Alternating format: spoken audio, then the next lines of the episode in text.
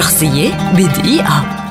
ولدت الممثلة السورية منى واصف عام 1942 قدمت أول عمل مسرحي لها عام 1960 بعنوان العطر الأخضر. أما أول عمل تلفزيوني لها فكان ميلاد الظل في العام 1961 عملت في السينما المصرية وقدمت العديد من الأعمال فيها بفترة من الفترات ولا سيما عملها في بلدها سوريا ولبنان.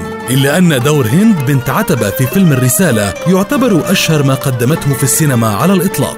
قدمت منى واصف عشرات الأعمال الدرامية في التلفزيون من بينها الخنساء نهاية رجل شجاع العبابيد والهيبة مؤخرا وغيرها الكثير. تعتبر منى واصف من أقوى الممثلات العربيات المخضرمات واللواتي لازلن في أوج عطاءاتهن ونجاحاتهن. شخصية بدقيقة.